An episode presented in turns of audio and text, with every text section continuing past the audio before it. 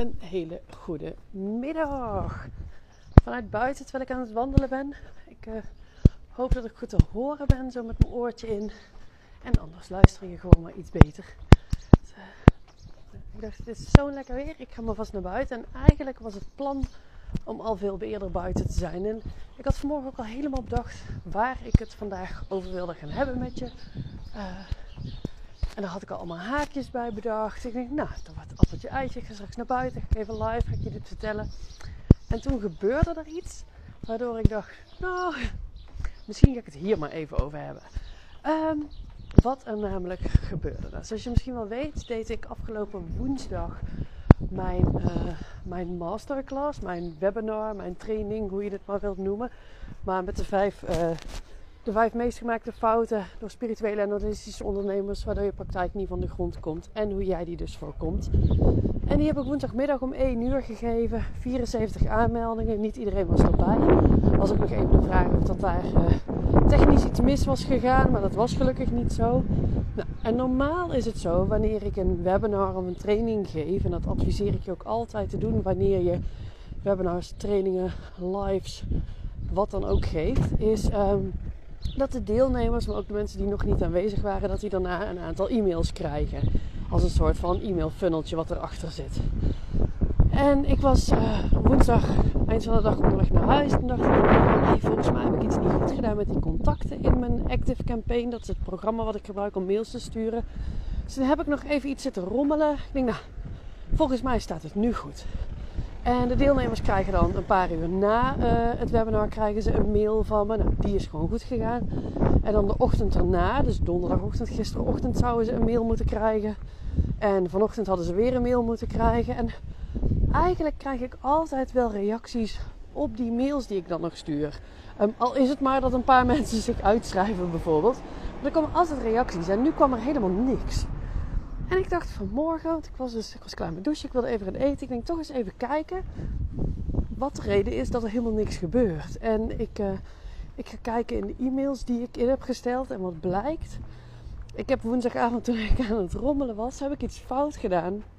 Waardoor van de 74 aanmeldingen 55 mensen geen, um, geen berichten hebben gehad. Geen mails hebben gehad. Alleen die allereerste mail woensdagmiddag.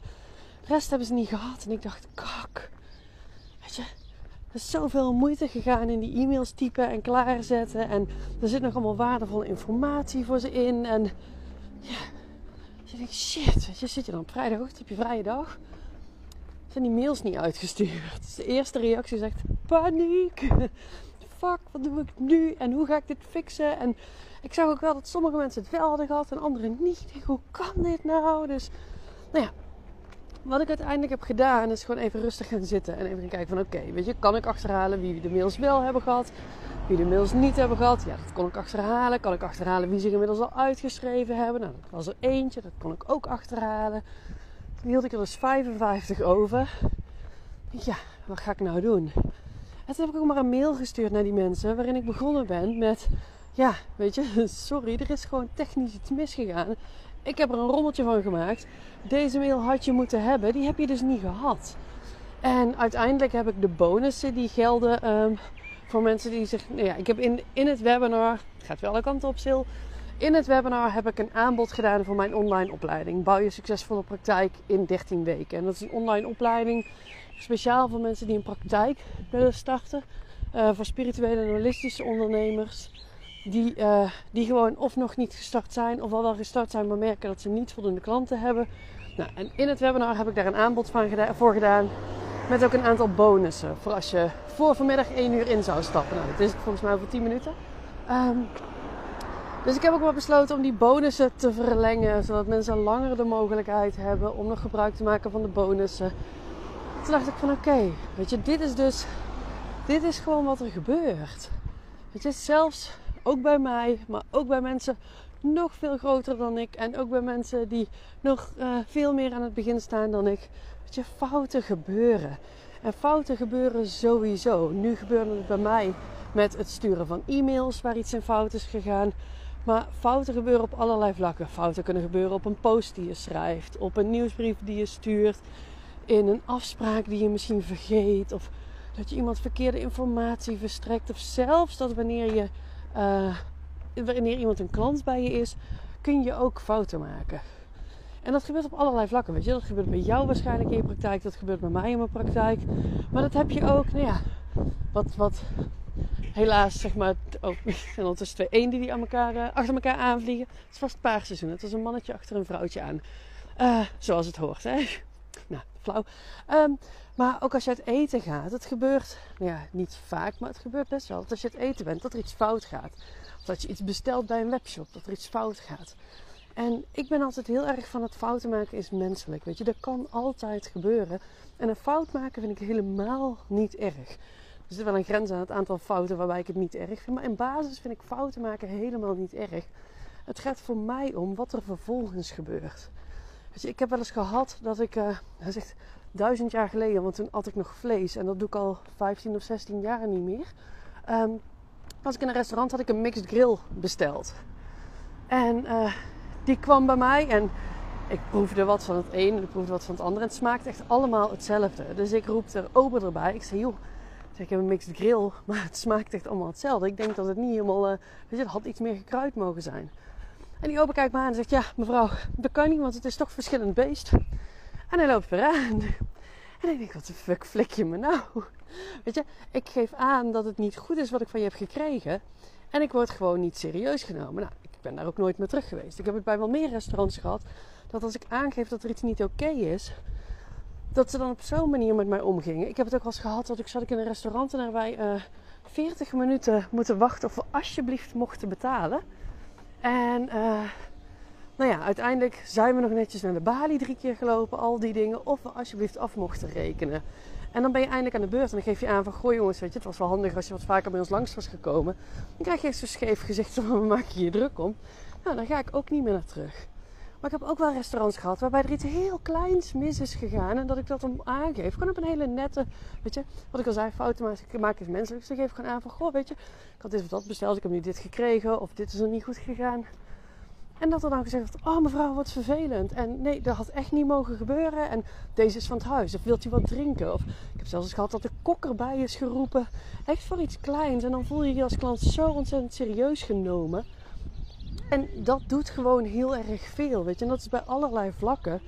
Um, dat op het moment dat er fouten gemaakt worden, die altijd gemaakt gaan worden. Weet je, we zijn mensen, we maken allemaal fouten.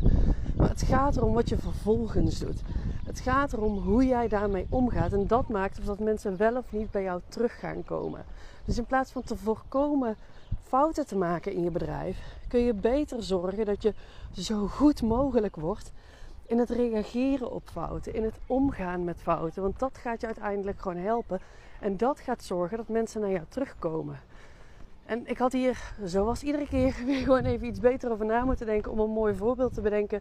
Waarbij er van alles mis is gegaan. En ik daar terug bleef komen omdat het gewoon omdat ze op een juiste manier met fouten omgaan. Maar wat ik al zeg, ik heb dit helemaal half voorbereid natuurlijk. Nou, mijn punt met fouten is denk ik wel, uh, wel gemaakt. Wil ik er nog één ding aan toevoegen. Dat is namelijk, ik stuurde dus net die e-mail wat ik vertelde. Um, die stuurde ik naar die 55 mensen toe van... Goh jongens, weet je, ik heb een fout gemaakt. Voor een oud ICT'er best wel beschamend. Um, maar ik heb een fout gemaakt. Hierbij alsnog de mail. Ik heb de bonussen verlengd. En onderaan al mijn mails zit een knop om je af te melden voor mijn e-maillijst. Daar ben je ook wettelijk verplicht. Dus ook bij mij zit hij er netjes. En toen kreeg ik van iemand een mailtje terug. Die had helemaal de moeite genomen mij een mail te sturen. Waarin ze zei, en dit is even mijn woorden hoe ik het onthouden heb. Mocht, mocht, mocht je dit zien of horen of wat dan ook. Je denkt, dat heb ik niet geschreven. Dit is mijn interpretatie van wat je geschreven hebt. Uh, maar daar stond in ieder geval in van, goh Sylvia, uh, ik wens jouw e-mails niet langer te ontvangen. Ik vind dat je een erg uh, dwingende manier uh, of zo hebt. Of opdringerig vond ze mijn mails in ieder geval. En ze vond mijn mails ook nog te lang. Waardoor, oh, wat zei ze nou? Volgens mij kwam het erop neer, maar nogmaals, mijn interpretatie, volgens mij kwam het erop neer dat ze zeiden: ja, mijn e-mails zijn te lang, waardoor ze niet interessant zijn. En dat vond ik interessant, want ik dacht: heb je dat ook bij een boek als het langer is dan 20 bladzijden? Dat je dan denkt: nou, dat is zo lang, dat is niet meer interessant hoor. Um, oh, ja, sorry, afgeleid, maar ik kom nu ergens aan waar allemaal uh, kleine gansjes lopen, mini-gansjes. Dat vind ik schattig. Ehm, misschien kan ik ze daar even laten zien voor de mensen die inderdaad de video kijken. Maar in ieder geval, zij stuurde mij dus helemaal, heeft ze de moeite genomen een mail te sturen. Met me één te vertellen dat ze niet meer op mijn mailinglist wilde. Twee te vertellen dat ik een opdringerige manier heb van e-mail sturen. En drie, dat mijn e-mails zodanig lang zijn dat uh, ze dus niet meer waardevol zijn. En uh, nou ja, ik vond daar van alles van. Ik zal ondertussen even kijken of de camera kan draaien. Om de miniganzen te laten zien. Kijk, daar lopen ze. Wij wonen aan heel veel water hier. Kijk, daar loopt ook een meerkoetje. Oh, trouwens leuk. Um, als je, ik ga even mezelf terug. En ik kom zo weer terug op mijn punt. Maar als je, uh, ik wou zeggen in de buurt bent van internet. Maar als je dit luistert, of ben je in de buurt van internet. Als je nog nooit de pootjes van meerkoeten hebt gezien, google even een foto van de pootjes van meerkoetjes. Die zijn echt fucking schattig. Dus dat is absoluut de moeite. Terug naar die mail. Zij heeft die moeite genomen me dat allemaal te laten weten. En dat ik, uh, ik denk dat ik een jaar geleden of zo helemaal onder de indruk was geweest van zo'n mail. Dan had ik waarschijnlijk gedacht van, oh kak, um, blijkbaar doe ik iets opdringerigs en dan moet ik anders gaan doen. En oh jeetje, ze vinden mijn mails te lang, kan ik ze dan in gaan korten? En dan had ik waarschijnlijk me helemaal druk zitten maken omdat één iemand van alle mensen die mijn mails krijgen, en dat zijn er 750 of zo, uh, maar dat er één iemand vond dat ze te lang waren of dat mijn, mijn manier van doen opdringerig is. En nu en, toen, en, en was ik waarschijnlijk nog in de verdediging gegaan of had ik dingen uitgevraagd van ja, hoe bedoel je dat dan? Wat is dan opdringerig? En hoezo vind je het te lang? En bla bla bla. Was ik misschien wel echt gaan verdedigen van nou weet je, het is helemaal niet opdringerig. Waar heb jij het nou over? En nu dacht ik oké, weet je, ik vind het eigenlijk wel cool dat iemand de moeite neemt om dus, terwijl ze onder in de mail op de knop uitschrijven had kunnen klikken, dat ze helemaal de moeite neemt om mij een mail terug te sturen en ook nog van alles uit te gaan leggen. En dat ik dacht, eigenlijk is dat heel waardevol. Want, en weet je, ik heb ook, ik heb haar alleen maar een mail teruggestuurd met, joh, bij deze ben je uitgeschreven. En ik wens je nog een super fijne dag en een heel mooi weekend. En dat was het. En dat, uh, dat is iets wat mijn, mijn coach ook steeds zegt. En wat ik zelf echt niet altijd kan, maar wel altijd probeer. Is business has nothing to do with feelings.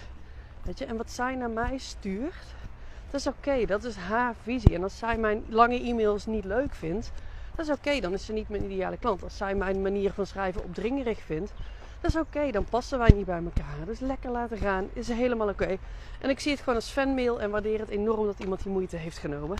Nou, die wilde ik er extra nog even aan toevoegen om je ook te laten weten dat je, niet iedereen is je fan, niet iedereen kan je fan zijn, niet iedereen zal je fan zijn. En dat is oké, want het is belangrijk dat er één iemand wel jouw fan is. En dan ben je zelf.